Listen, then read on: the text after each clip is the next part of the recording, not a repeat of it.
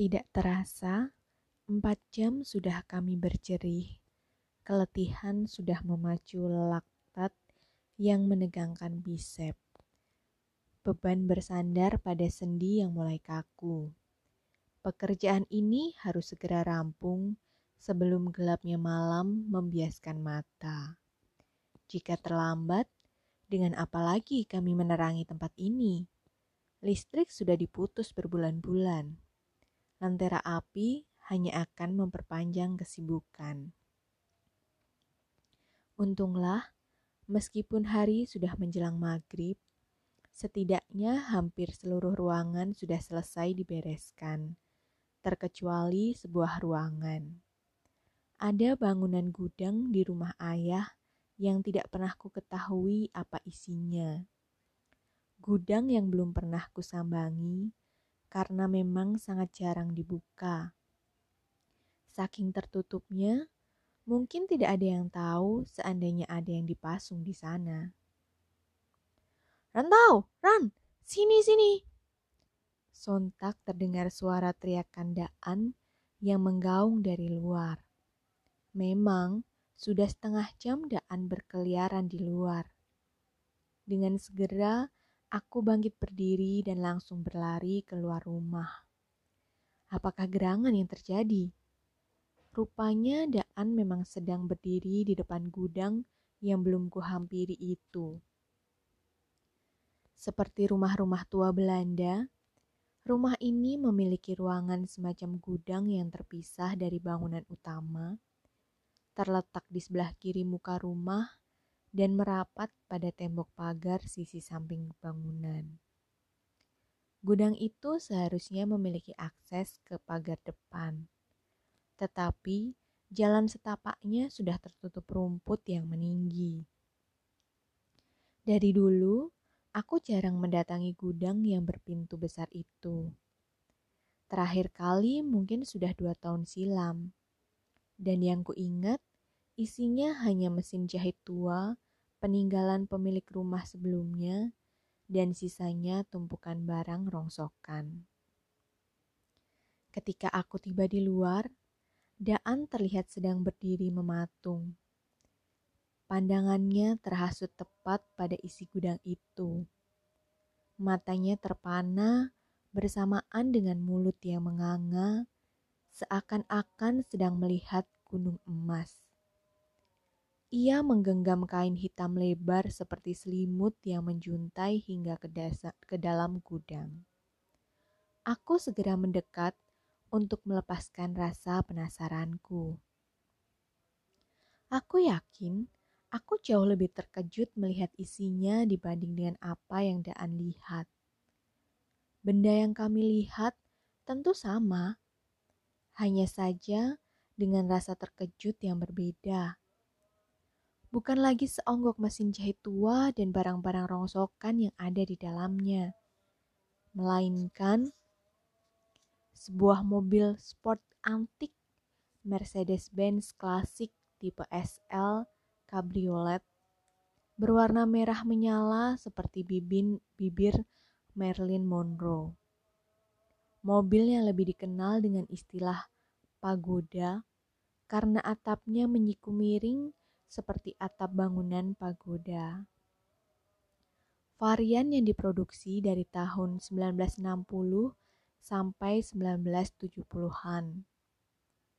Mungkin ini adalah salah satu mobil antik yang paling legendaris dan diincar orang. Cukup banyak selebritas dunia yang memakainya. Sebut saja dua John legendaris, John Travolta dan John Lennon. Keindahan dan keandalan mesin mobil ini menjadikannya sebagai mobil kolektor dengan harga pasaran yang selangit. Di Indonesia, mobil pabrikan Jerman ini Jumlahnya tidak sampai 30 unit. Salah satu pemiliknya adalah seorang mantan wakil presiden RI. Tak heran jika jumlahnya sangat sedikit, karena pada masa mobil ini diproduksi, masih sangat jarang penduduk dengan perekonomian kelas atas di Indonesia. Mobil ini hanya berpenumpang dua. Atapnya berbahan kanvas warna hitam. Bagian moncong mesin cukup panjang. Lekukan panjang timbul di permukaan tengah kap mesin. Dua lampu rektangle besar berpinggiran krom berdiri tegak, mendampingi mulut grill horizontal berwarna hitam yang menganga lebar. Lambang merek Mercedes berkilau terpasang di tengah grill, didampingi bilah berlapis krom segaris di sisinya. Ditambah bemper-bemper besi yang juga berlapis krom berkira, berkilau, menguatkan karakternya sebagai mobil klasik yang mengagumkan. Jika Daan heran melihatnya sebagai sebuah barang langka, aku heran melihatnya sebagai sebuah mobil di rumah ayah. Masalahnya, ayahku sama sekali tidak pernah memberitahuku tentang mobil ini. Ini jelas sebuah fenomena di keluargaku. Karena sungguh mengherankan jika ada sebuah mobil di rumah ini. Sepengetahuanku, ayah tidak biasa mengemudikan mobil. Sehari-harinya, ia lebih suka mengandalkan motor bebeknya yang tadi kulihat masih teronggok di dalam garasinya. Apalagi soal jenis mobil ini. Mobil pamer yang sangat tidak cocok dengan karakter ayahku. Lagi pula, mobil antik yang sulit dikendarai dan sering mogok bukanlah sebuah pilihan yang tepat bagi orang yang baru menyetir mobil. Andai kata ayahku mulai menyetir tanpa sepengetahuanku. Ditambah lagi, ayahku adalah orang yang skeptis dengan mobil antik. Bahkan beberapa celaan kerap ia lontarkan. Dan yang lebih tidak memungkinkan lagi, harga mobil yang sampai ratusan juta tentu bukan pilihan yang bijak bagi orang dengan taraf ekonomi seperti ayahku. Sekalipun ini miliknya, mengapa mobil ini tidak ia parkir di garasinya saja yang masih cukup untuk sebuah mobil? Beberapa saat, pandangan mataku teralih kepada sesuatu yang janggal dengan posisi mobil ini. Mengapa jarak tembok di depan moncong terlihat sangat dekat tanpa ada celah? Saat ku hampiri, rupanya benar Mobil ini ditinggalkan dengan posisi yang sangat buruk. Menabrak dinding di depannya, tembok depan retak. Begitu pula dengan bemper mobil yang sedikit penyok. Apa yang sudah terjadi di sini? Belum sempat aku menyatakan segala rasa heranku kepada Daan, temanku itu langsung beranjak mendekati dan meraba-raba mobil tanpa memedulikan kondisi janggalnya sama sekali. Wajahnya seperti seorang anak kecil yang mencapkan jemarinya di etalase toko mainan. Hmm, Ran, ini mobil ayahmu? Ucapnya bergetar dengan wajah yang tidak percaya. Telapak tangannya terus menggerayangi mobil merah yang diselimuti debu tebal. Itu dia yang jadi misteri, God. Aku rasa bukan. Jawabku sambil menggeleng lamban dan masih bersandar terpaku di dinding gudang. Daat mengerutkan dahi melihatku, dan perhatiannya kembali ditarik oleh mobil itu. Kini ia membelai-belainya lembut dengan penuh penghayatan. Mungkin serasa mengelus-elus tubuh kuda unicorn di atas pelangi warna-warni langit ketujuh. Ekspresi tercengang masih tak lekang dari wajahnya. Sempurna! Decak Daan kagum sambil mengitari mobil, bodi mobil. Dengan sebatas pandangan mata, aku ikut menggerayangi keseluruhan tubuh mobil itu. Biarpun hati mengagumi, logika bersikukuh menyelidiki.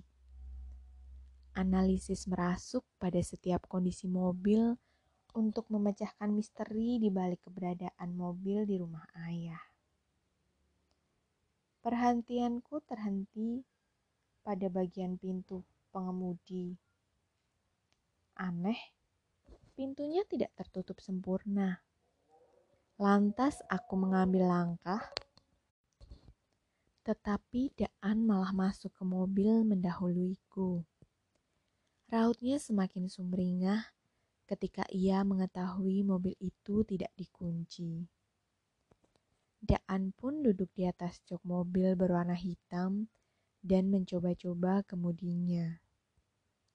Ia terus memutar-mutar setir berwarna putih dengan logo Mercedes di tengah, yang diameter lingkarannya sejauh jarak dari paha hingga bawah dagunya. Gelagedaan persis anak kecil yang riang mencoba-coba mobil di pameran.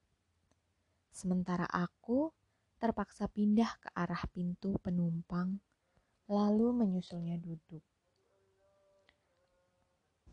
Aroma ruang yang pengap langsung menyambut di remangnya interior mobil. Bau di dalam seperti sepatu kulit yang sudah lama disimpan di dalam gudang. Aku terus meneliti satu persatu bagian interior mobil yang didominasi warna hitam.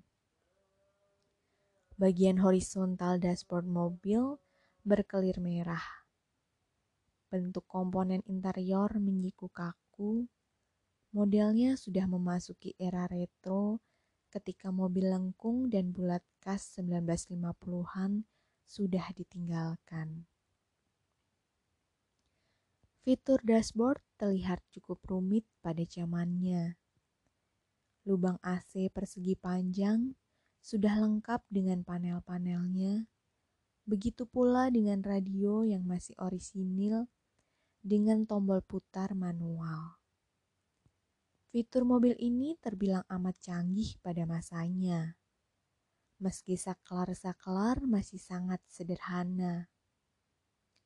Tuas persneling bertiang panjang dan berujung bundar seperti gagang mesin dingdong berdiri tegak di antara kursi kami. Wah, Ran, ada kuncinya nyantel nih. Hentak Daan seketika. Tangannya meraba-raba belakang setir. Ia mendapati kunci mobil terpasang pada slot kunci kontak yang berada di bawah speedometer bundar bagian kanan. Yes, ini semakin mengherankan. Kunci mobil sungguh tertancap di lubang kontak, seakan-akan sang pemakai lupa untuk mencabutnya. Aneh, mobil ini seperti ditinggalkan begitu saja di sini. Kini perhatianku tertuju pada laci persegi panjang di dashboard bagian penumpang yang berada tepat di hadapanku. Serupa dengan kondisi pintu, laci ini sedikit terbuka. Aku langsung menurunkan penutup laci, tetapi laci ini macet dan tidak dapat terbuka sempurna, sehingga isi laci masih dalam kegelapan pekat. Aku menyelipkan jemari untuk merogoh-rogoh isinya. Sementara Daan masih tertawa-tawa sendiri dalam khayalannya mengemudikan mobil ini. Kurasakan ujung jemariku menyentuh beberapa benda di dalam. Satu persatu benda keluar dari dalam laci. Kotak putih P3K, obeng, senter, serta sesuatu yang setidaknya menarik perhatianku ada sebuah tas kresek hitam seukuran kartu pos. Saat ku keluarkan, terdapat amplop coklat lusuh dalam kondisi terlipat dengan beberapa sobekan alami di tepiannya. Aku menggoyang-goyangkan amplop untuk mengeluarkan isinya. Sebuah buku kecil bersampul hitam dalam kondisi terlipat jatuh ke pangkuanku. Tebal buku ini mungkin hanya seujung kuku. Kondisinya sangat tua dan usang seakan ditulis dengan era yang bersamaan dengan Sayuti Melik mengetik teks proklamasi. Pinggir-pinggir halamannya tergerus dan hampir menjadi bubuk. Kubalik buku ini untuk melihat sampulnya dan terpampang identitas buku tipis ini. Sampul itu bertuliskan sebuah judul, Buku Pemilik Kendaraan Bermotor. Ganjil rasanya. Jarang-jarang ada orang yang begitu ceroboh meninggalkan BPKB di dalam mobil. Namun, tak ada alasan untuk mencari tahu Dokumen ini tentu berisi jawaban yang kucari-cari. Buku yang berisi siapa sebenarnya sang empunya mobil ini. Lembar demi lembar yang telah menguning, kubuka dengan hati-hati. Tertera nama dan alamat pemilik yang ditulis tangan oleh petugas polisi pada masa itu. Namun, beberapa lembar berlalu dan kutemukan nama yang berbeda-beda dalam BPKB ini. Nama pemiliknya terus berganti. Beberapa nama di depan tidaklah penting. Yang terpenting sekarang, siapakah pemilik terakhir dari mobil ini? Agar aku bisa mengetahui siapa yang bertanggung jawab atas mobil yang ada di rumah ayahku. Aku terus membuka halaman demi halaman untuk mendapatkan siapa sang pemilik terakhir. Eh Ran, apaan nih ganjil-ganjil di kaki? Ngelangin deh. Celoteh Daan memalingkan fokusku. Daan sibuk merogoh-rogoh bagian bawah kabin mobil. Lagi-lagi, Daan menemukan sesuatu yang mengejutkanku. Ia membungkuk untuk mengambil sesuatu di dekat kakinya dan meletakkan kotak karton seukuran kotak sepatu di pangkuannya. Kotak berlabel merek sepatu ternama. Sepengetahuanku, harganya cukup mahal.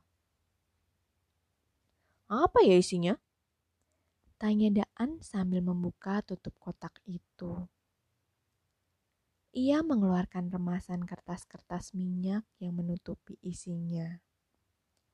Kini terlihat jelas di dalamnya sepasang sepatu hak tinggi warna merah menyala, senada dengan warna mobil ini.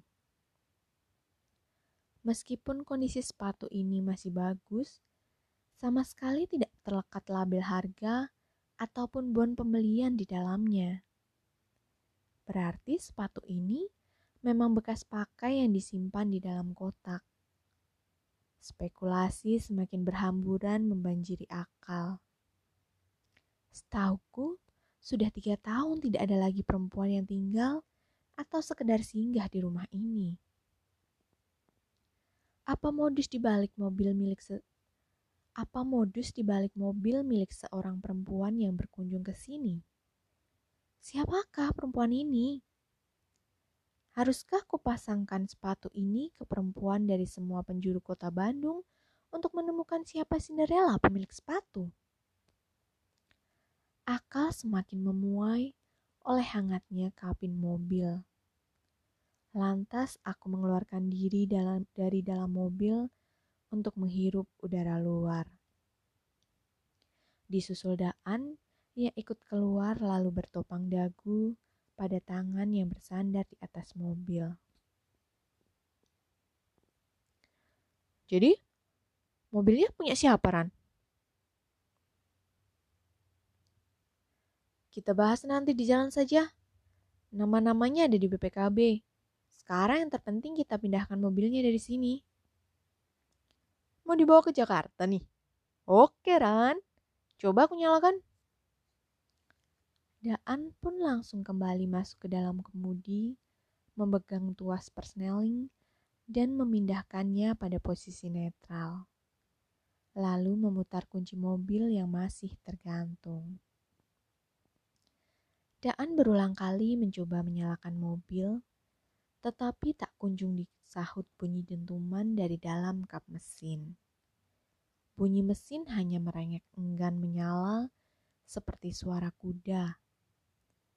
Maklum saja, mobil renta ini pasti sudah sangat lama tak dinyalakan.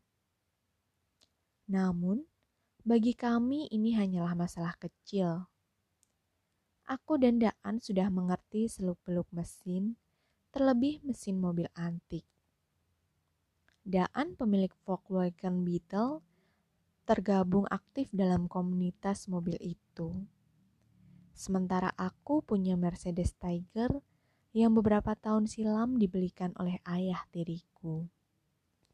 Aku pun segera mengambil kotak peralatan mekanik yang ada di garasi rumah. Satu jam dibutuhkan untuk membenahi mesin mobil ini. Perangkatnya memang sedikit lebih membingungkan dari yang biasa aku perbaiki. Namun, jerih payah mekanik amatir selama satu jam berhasil dengan sempurna. Mobil itu kembali mobil itu berhasil dinyalakan. Kita berangkat nih. Teriakku dengan penuh semangat meski tubuhku mulai lembam untuk digerakkan. Eh, hey, sebentaran. Daan berlari ke bagian belakang mobil seperti baru menyadari sesuatu. Ran, lihat plat mobilnya deh. Nomornya sudah mati tiga tahun.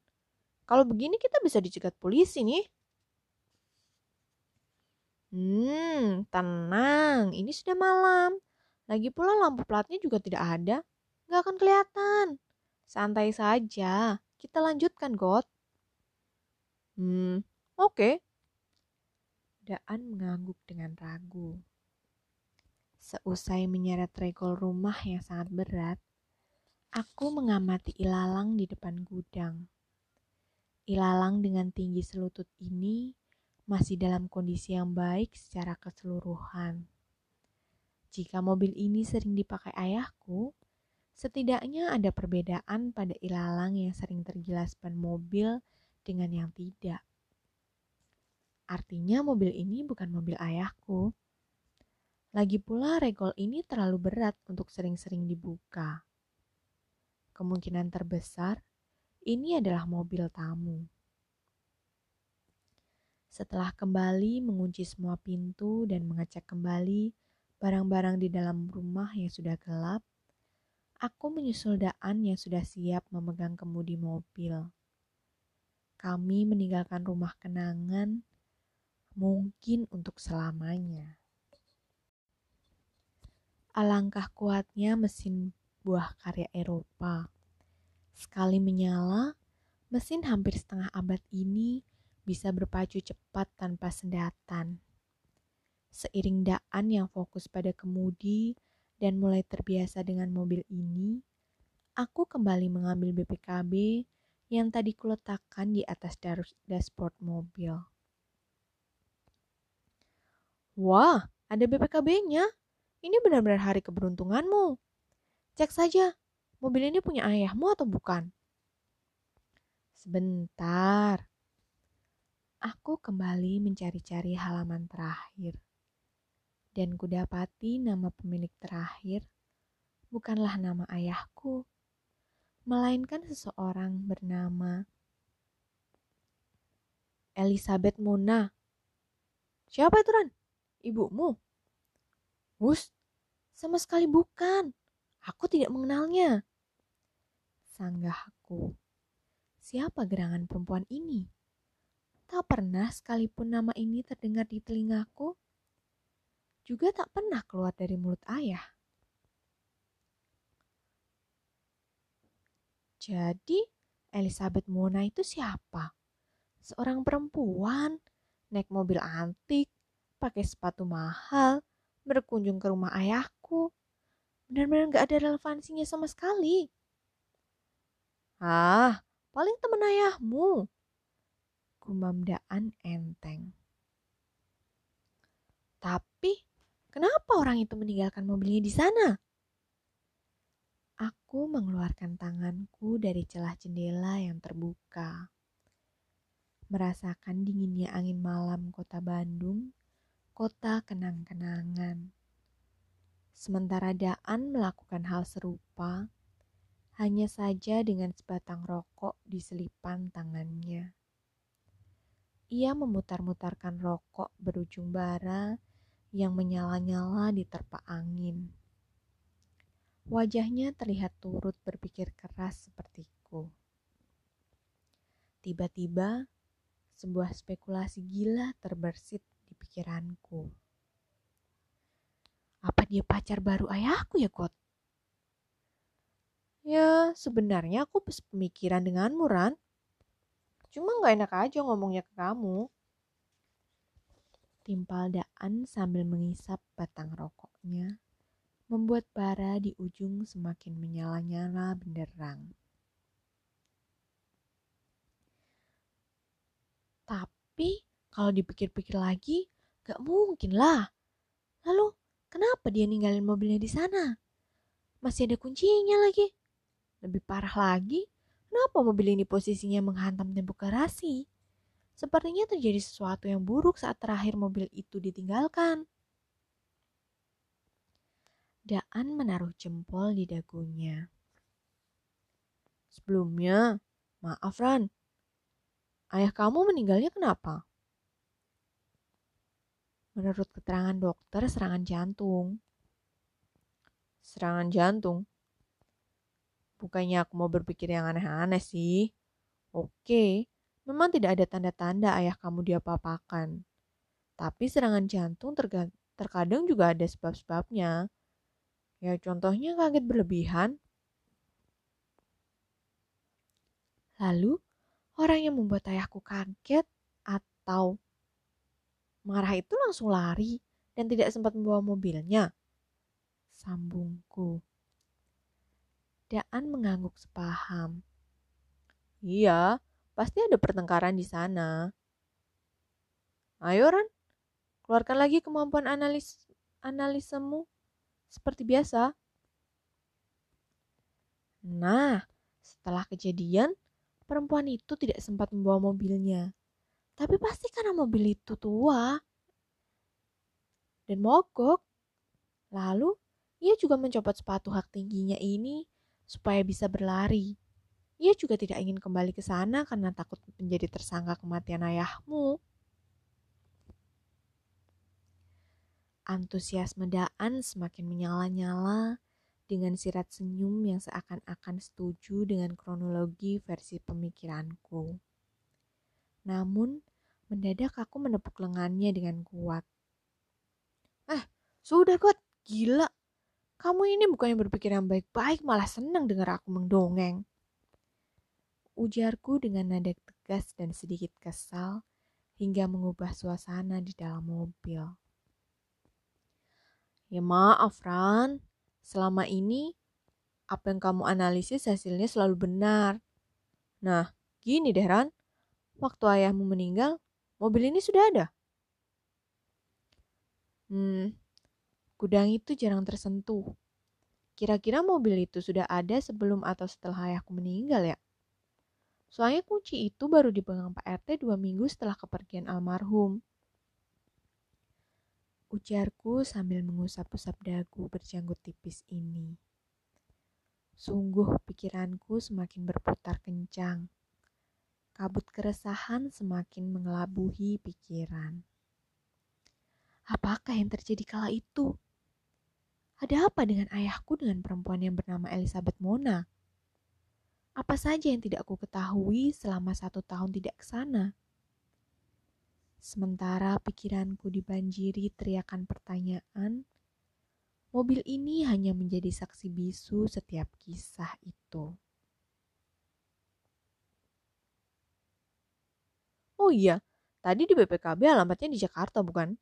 Kalau begitu besok kita cari saja orangnya. Gampang bukan? Kita lihat nanti.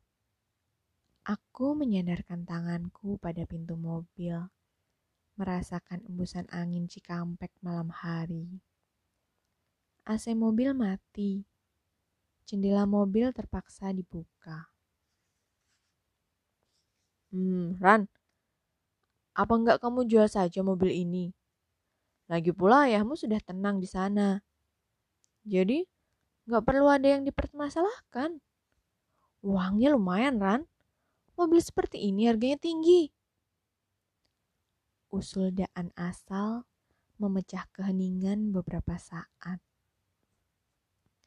Jangan, God. Aku menegakkan posisi duduk. Ini bukan punya kita. Kalau kita ambil, ini bisa termasuk pencurian. Memang aku mengagumi mobil seperti ini. Hanya mobil ini berada pada situasi yang salah. Lagi pula, bagiku segala pengetahuan tentang kejadian ini jauh lebih berharga daripada nilai mobil ini sendiri. Semua terserah kamu, Ran. Oh iya, God. Nanti kita ke kosmu dulu ya. Ngapain? Di kosmu bisa parkir mobil. Mendingan kamu saja yang simpan mobil ini. Kalau aku bawa pulang, pasti orang rumahku banyak tanya. Aku tidak tahu bagaimana menjelaskan semua ini. Aku harus dapat jawab, harus dapat jawabannya dulu, baru bisa menceritakan semua ke ibuku.